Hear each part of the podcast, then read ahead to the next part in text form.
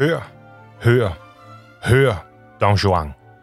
Sådan skrev den danske filosof Søren Kierkegaard, som i ikke bare historien om Don Juan eller Don Giovanni, om man vil, men også i selveste Mozarts musik, fandt inspirationen, billedet på hele det dilemma mellem mennesketyper, livets mening, som han i sit store værk enten eller forsøger at beskrive. Vi åbner i mol, i D-mol, i ondskabsfulde, dystre, ja, måske også lidt tankefulde toner. Men hurtigt så skifter overturen her til dur, til D-dur, fordi vi er inviteret til en fest.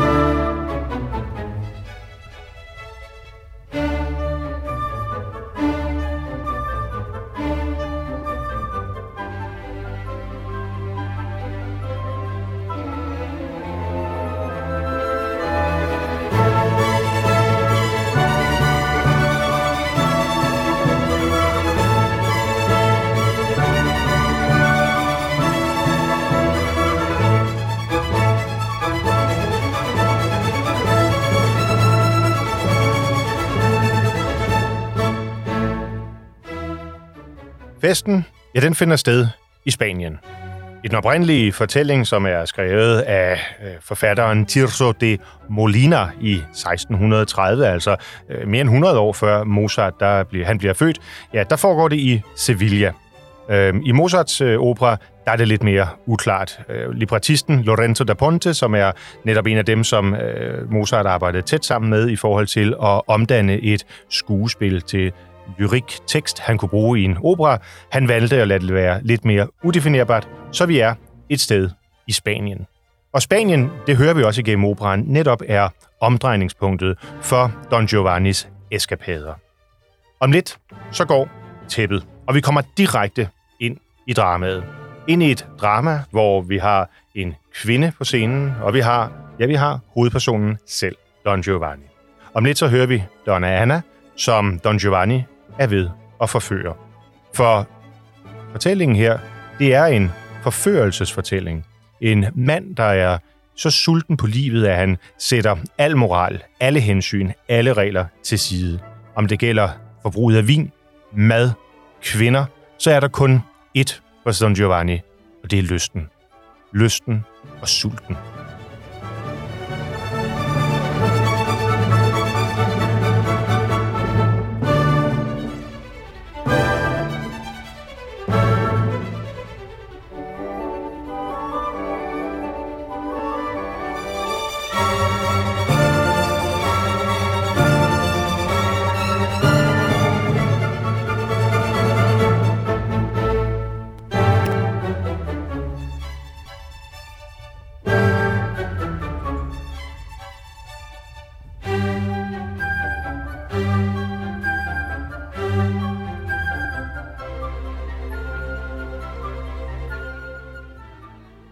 Og Don Giovanni, han omgiver sig med folk. Først og fremmest kvinder. Vi vil igennem operaen opleve hele tre kvinder, som han prøver på at ja, komme i seng med. Først Donna Anna, så Donna Elvira, som han har haft et forhold til, og som nu har han har kastet på gaden. Hun har ikke indset, hvilken skørtejæger Don Giovanni er endnu, og vil derfor igennem hele operaen prøve at tale til hans bedre jeg og få ham overbevist om, at det skal være dem, at hun skal elske, eller han skal elske hende.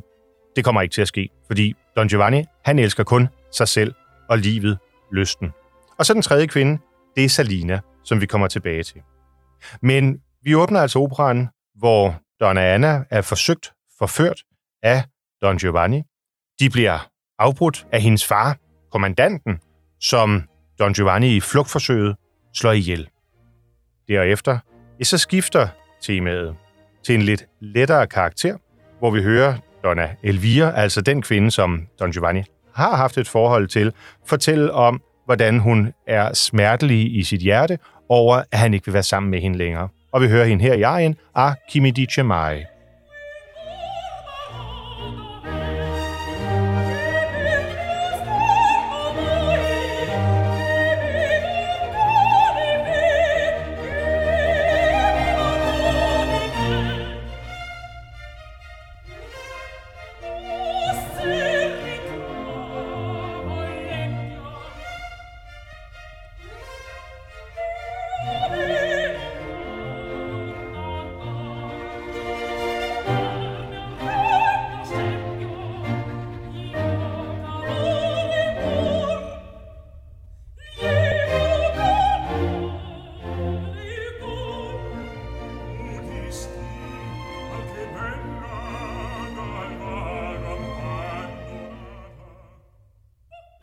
Don Giovanni hører kvindestemmen og bliver nysgerrig.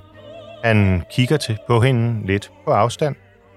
Og så går det op for ham. Jamen, det er Donna Elvira, som han allerede har haft et forhold til. Så flygter han og lader sin tjener ordne forholdene. Leporello, som er Don Giovannis tjener, der hele tiden er fanget mellem sin samvittighed og sin loyalitet over for sin herre. Don Giovanni siger, Leporello, kan du ikke tale med Donna Elvira og sige, at hun skal droppe det hele? Sige, at hun skal, ja, fortælle, øh, se hvem jeg er, og jeg elsker hende ikke længere. Han bruger simpelthen Leporello som en slags mellemmand for de kvinder, han efterlader bag sig. Men Elvira, hun er ikke helt sådan at slå ud.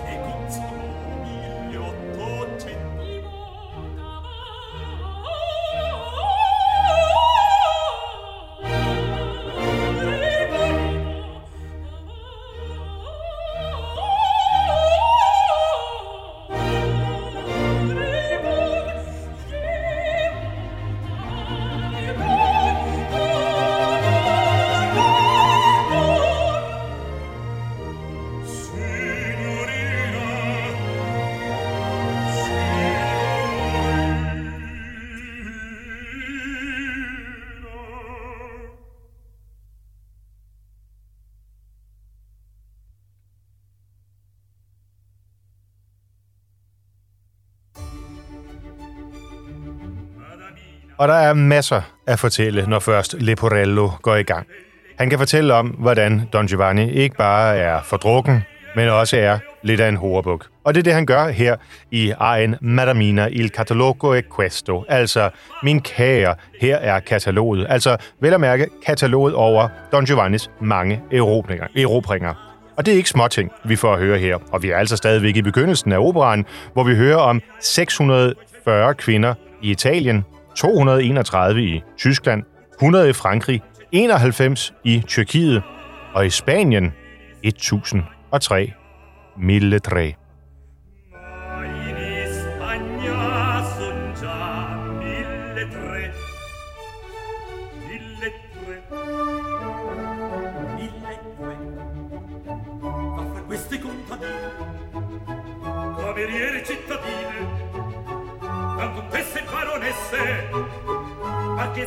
principesse e bandonne d'ogni grado, d'ogni forne, d'ogni età, d'ogni d'ogni età. In Italia 640, in Almagna 231, 100 in Francia, in Turchia 91,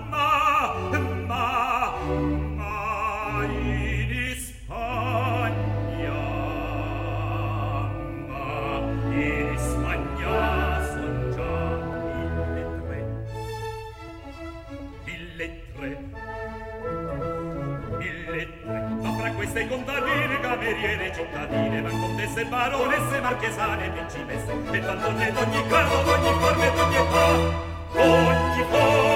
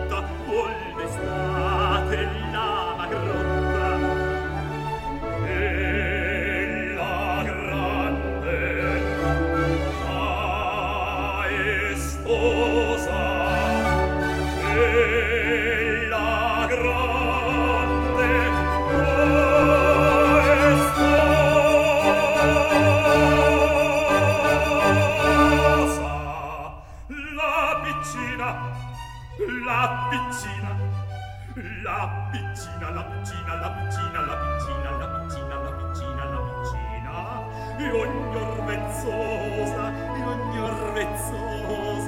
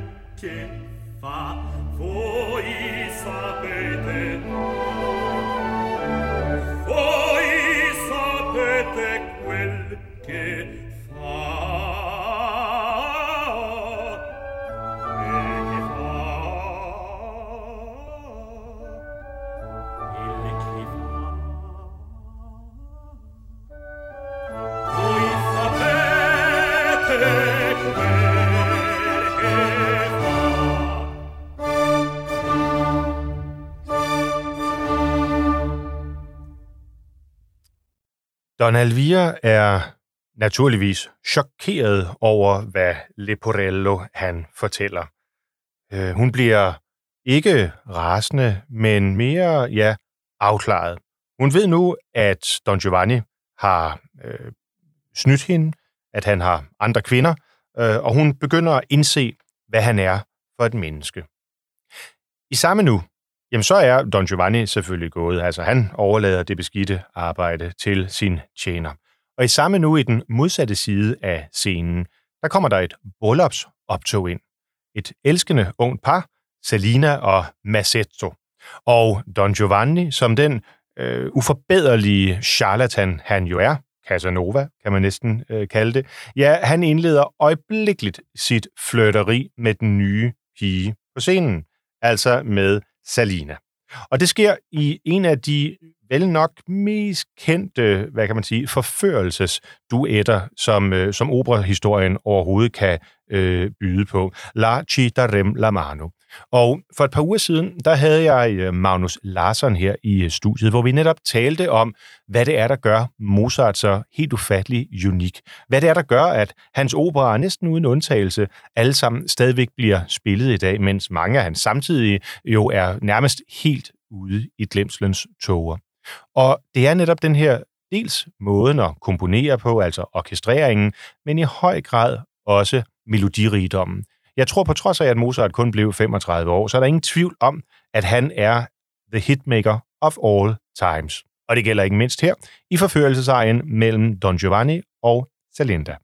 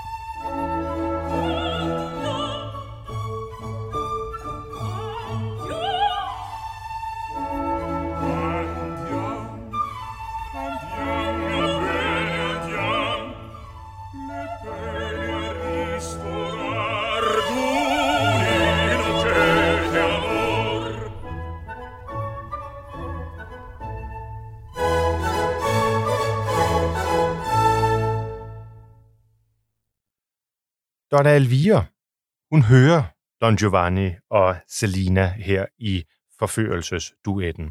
Og hun kommer styrtende over for at komme til undsætning for Selina. Hun ved jo nu, hvad for en karakter Don Giovanni han er. Og hun følger nu derfor Selina ud af scenen. Det er jo trods alt, og trods alt også lige før hendes øh, bryllup med Massetto, så det er måske meget godt at forlade scenen på det her øh, tidspunkt. Men som de er gået ud, ja, så kommer nu Donna Anna og Don Ottavio ind. Donna Anna altså, som var hende, vi mødte i begyndelsen, hvor Don Giovanni var ved at forføre hende. Jeg tror måske ikke, man tager munden for fuld ved at sige, at han var ved at voldtage hende. Og øh, hvor faren, kommandanten, kom ind, og Don Giovanni flygter ved at dræbe faren, kommandanten. Og Don Ottavio, ja, han er simpelthen Donna Annas elskede, hendes forlovede. Donna Anna når lige at få et glimt af Don Giovanni, som han forsvinder her, mens øh, Selina og Donna Elvira, de går sammen øh, ud bagved, sådan så Donna Elvira lige kan fortælle den unge Selina en, og til, en eller to ting om livet, og ikke mindst mænd. Og se, her bevæger vi os ind i et spændende øh, tidspunkt for ikke bare operans musik og operans øh, historie, men også dens tilblivelse. For sagen er, at øh, Mozart han var i januar-februar 1787 i Prag, og øh, vejede og fejrede stor øh, succes med flere af sine værker. Og derfor så blev han kommissioneret til at skrive øh, en ny opera, den der så skulle blive Don Giovanni, og hvor øh, planen var, at den skulle have premiere i oktober 1787. Øh, helt præcis den 14. oktober. Men øh, Mozart var simpelthen ikke færdig. Øhm, så øh, den dag, der var de nødt til at spille Figaros bryllup.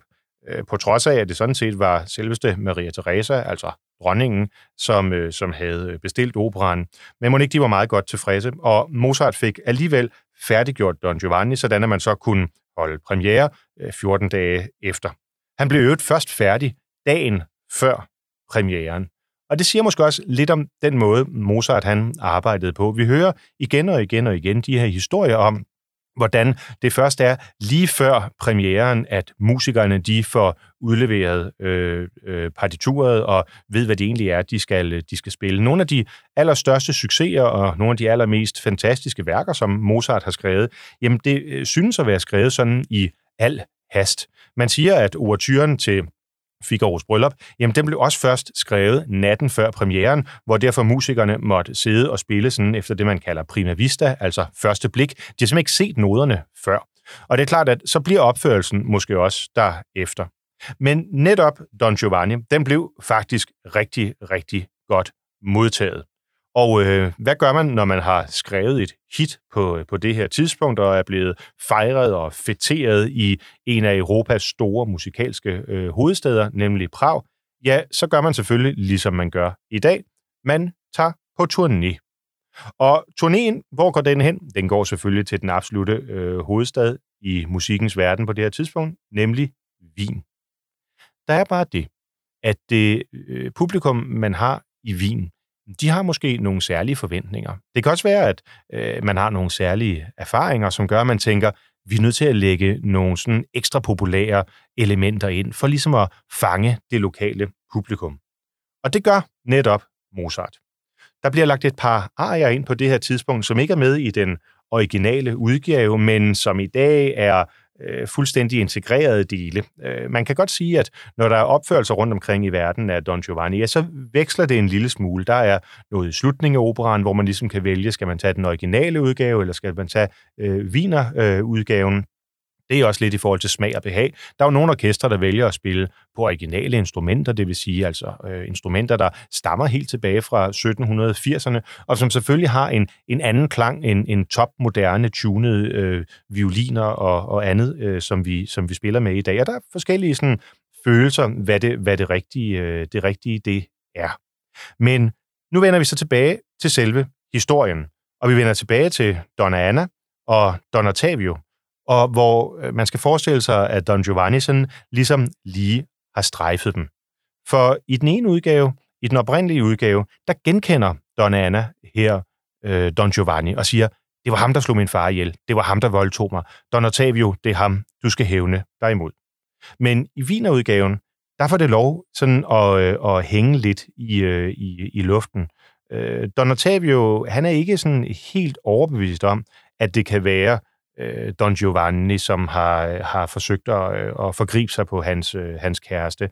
Fordi der er ikke nogen i den her scene, der endnu har set hans ansigt. Man har kun kunnet sådan lige øh, fornemme ham, måske øh, fornemme hans, øh, hans duft osv. Og der skriver Mozart simpelthen til øh, Wiener-udgaven øh, et par arier, som vi lige skal, øh, skal høre. Øh, først her Don Annas øh, arie, Orsai chi l'onore, og derefter Don Ottavio, som synger den meget, meget kendte, smukke, sådan lidt mere romantiske arie, end det vi har hørt hidtil, Dalla sua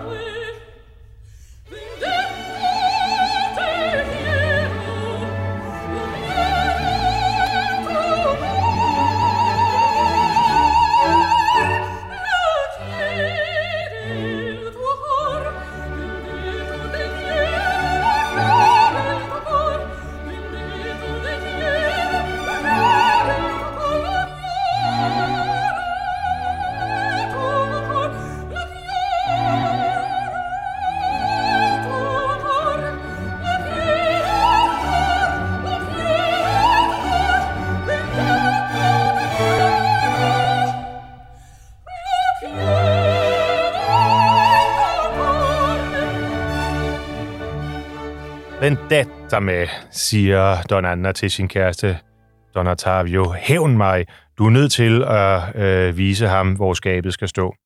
Og Don Ottavio, han træder lige et skridt tilbage, og lidt mere eftertænkt som accepterer selvfølgelig, hvad hans forlovede siger, og synger her, Dalla sua pace la mia depende. Altså, på hendes ro og fred hviler min fred.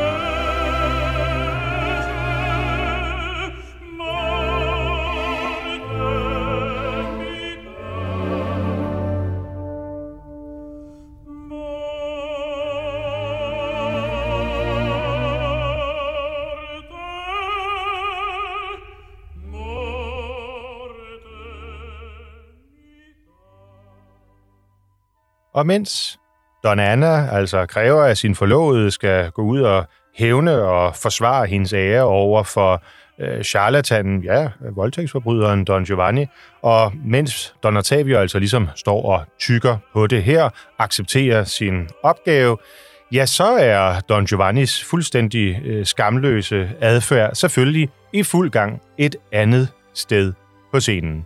Fordi Donna Elvira har jo allerede haft, haft fat i Salina og fortalt hende lidt om, hvad det er for en karakter, Don Giovanni øh, egentlig er.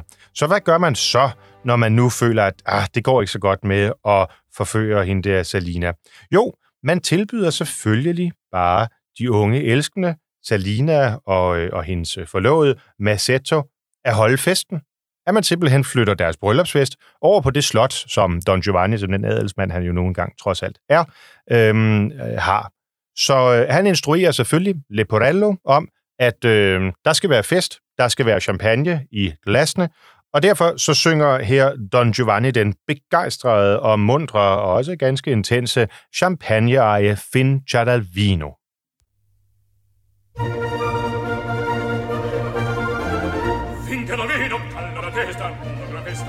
Fa preparar, se trovi piazza qualche ragazza, tego da quella cerca menar, tego da quella cerca menar, cerca menar, cerca menar, senza colonne, nato sia, chi il minueto, chi la folia, chi la la mana, farà velar, chi il minueto, farà velar, chi la via, farà velar, chi la la manna, farà velar, e di frattanto dall'altre canto, con questa quella, uomoreggiar, uomoreggiar, uomoreggiar, alla ministra, una mattina, una regina devi aumentar, vista una regina devi aumentar sempre una piazza qualche ragazza che con quella cerca ma no alla velisa no mattina una regina devi aumentar senza che non le tanto sia chi minuetto chi la faria chi la domanda pare ma no alla velisa no mattina una regina devi aumentar una regina devi aumentar una regina devi aumentar ma devi aumentar ma devi aumentar devi devi aumentar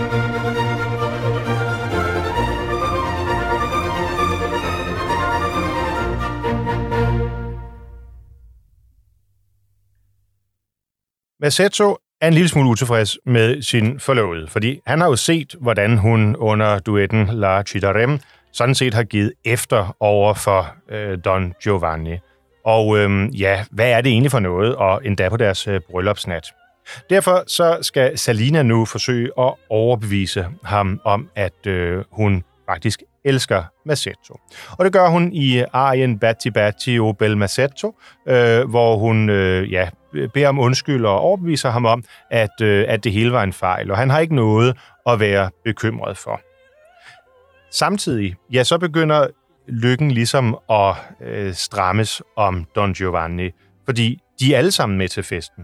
Og første akt, den slutter med, at Don Ottavio, der jo lige har lovet sin elskede Donna Anna, at han vil hævne mordet på hendes far, ja, han udfordrer Don Giovanni med en pistol under festen, så pludselig så er der alvor. Men igen, Don Giovanni, han formår at flygte, tæppet går, og om lidt kan vi begynde på anden akt. Men inden da, der skal vi lige høre her øh, Salina synge Batti Batti o Bel Massetto.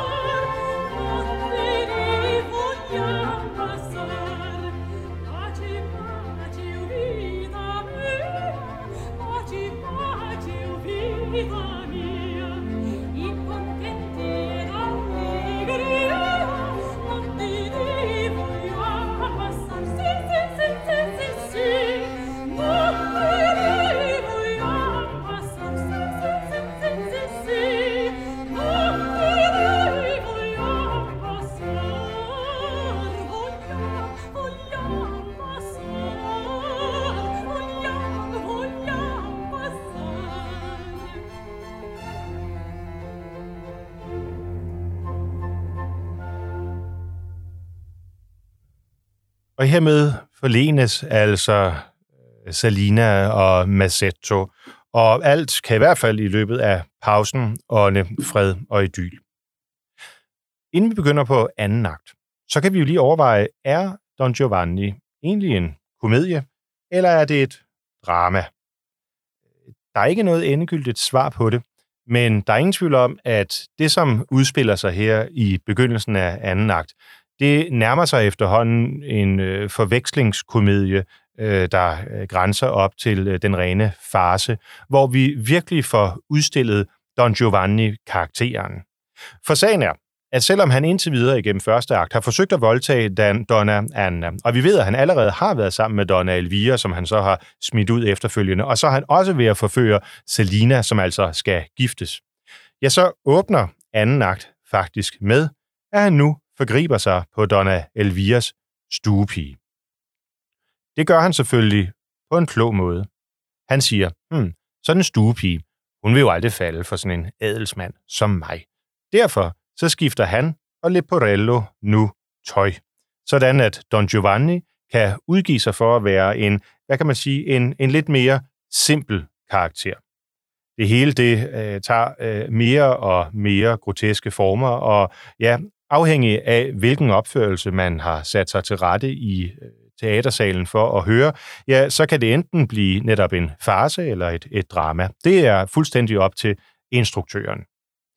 Det ender dog alt sammen med, på tværs af forviklinger og ja, øh, kurdiseringer, at Donna Ottavio er fuldstændig overbevist om, at det er Don Giovanni, som har myrdet hans, øh, hvad der skulle være blevet hans svigerfar, altså Don Annas far. Derfor så træder han nu for alvor i karakter. Og det gør han i arien Il mio tesoro intanto, hvor han ligesom siger, at, at nu lover jeg, nu sværger jeg, at jeg vil øh, gøre hævn øh, over min, øh, min, øh, øh min, min svigerfar. Og øh, det interessante er, at hvor øh, Dallas Suapace blev skrevet ind i Wiener-versionen, ja, så blev den her, som faktisk en af dem, man meget ofte hører også ved, øh, ved, ved, ved almindelige koncerter, øh, så blev den, den faktisk taget ud. Men her skal vi høre den, for det er ret god musik.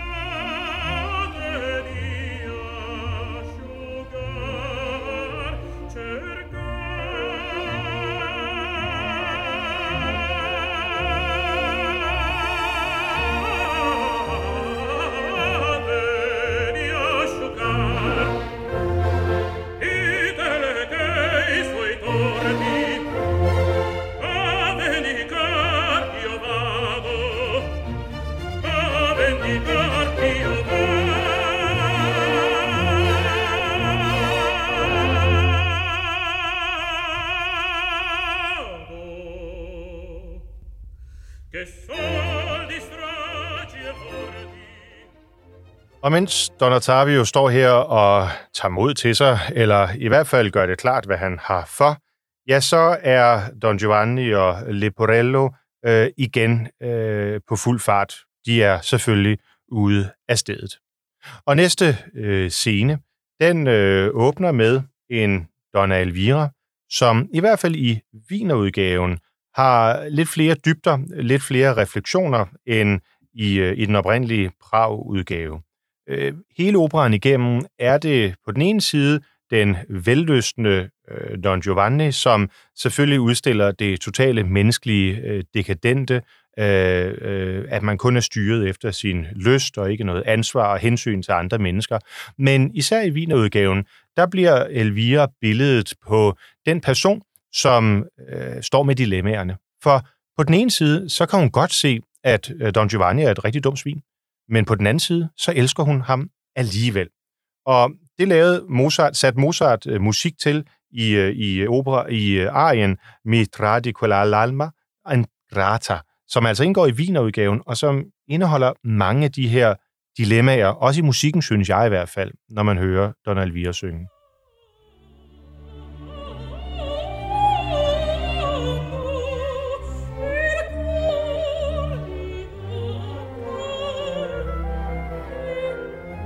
Troen og kærligheden, længslen og håbet på den ene side, og altså erkendelsen af, hvad Don Giovanni er på den anden.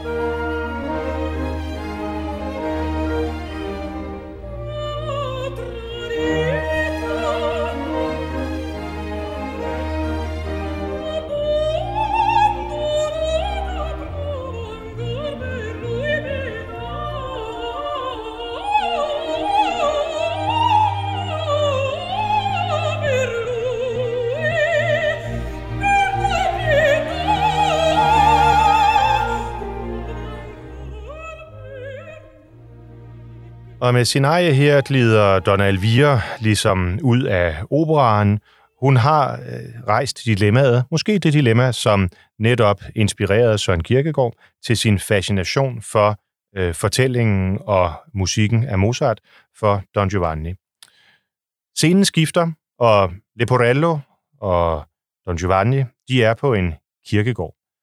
Don Giovanni går rundt og tænker lidt over livet, og pludselig så kommer de forbi en stor statue, en statue af kommandanten, hvorpå der er skrevet L'empio che mi trasse al passo estremo che attendo la vendetta. Altså, jeg venter her på hævn over den skurk, som dræbte mig. Øh, igen oplever vi Don Giovanni, som trodser al moral, og han inviterer statuen på middag og til sin redsel, eller måske især Leporellos redsel, så nikker statuen, modtager simpelthen invitationen. Derefter går de hjem, slottet under ro og fred. Festen er slut. Men øhm, under middagen, som Leporello han serverer, ja, øh, så banker det lige pludselig på døren. Og man kan sige, det er måske skæbnen, der banker på døren, eller i hvert fald er det Don Giovannis skæbne, der venter uden for døren. For det er statuen af kommandanten, som pludselig er lyslevende kommet ind på scenen. Og det bliver et kulmination af både musisk og, øh, og æstetisk, etisk karakter, når øh, Don Giovanni nægter at angre sine sønner, mens kommandanten insisterer på, at Don Giovanni selvfølgelig skal stå til regnskab. Man kan nærmest sige, at det er Gud, der står med sit moralske kompas over for den fuldstændig amoralske og dekadente Don Giovanni. Øh, konsekvensen, den bliver også derefter. Med en stenhånd griber statuen fat om Don Giovanni og trækker ham, hvad man må gå ud fra, er ned i helvede. Det kan man tage som en morale.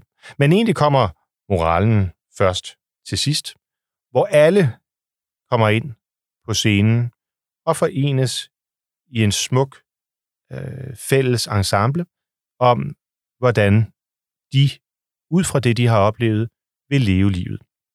Men netop afslutningen på operan, hvor øh, kommandanten kommer ind på scenen, er så kendt, og bygger nemlig rent musisk på det samme, som vi hørte i overturen.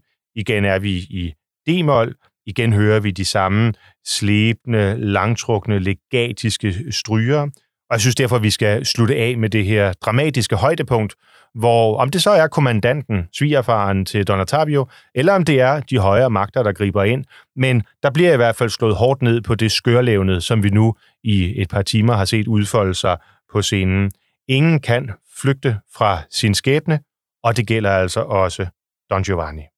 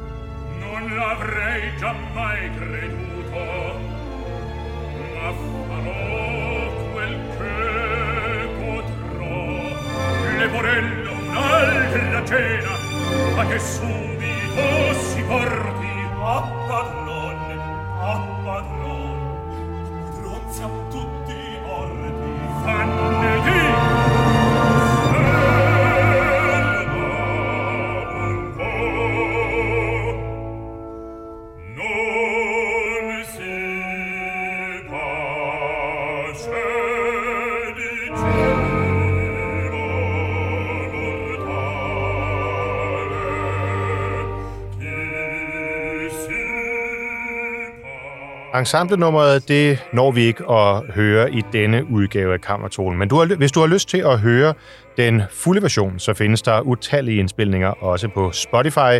Den, vi har lyttet til her, det er med Sir Neville Mariner som dirigent, og med Thomas Allen, Sharon Sweet, Carita Matilla og Francisco Ariazza på scenen. Det var en fornøjelse at være deres vært her denne søndag, hvor vi altså er dykket ned i Mozarts Don Giovanni og lad os så høre kommandantens formanende fortælling.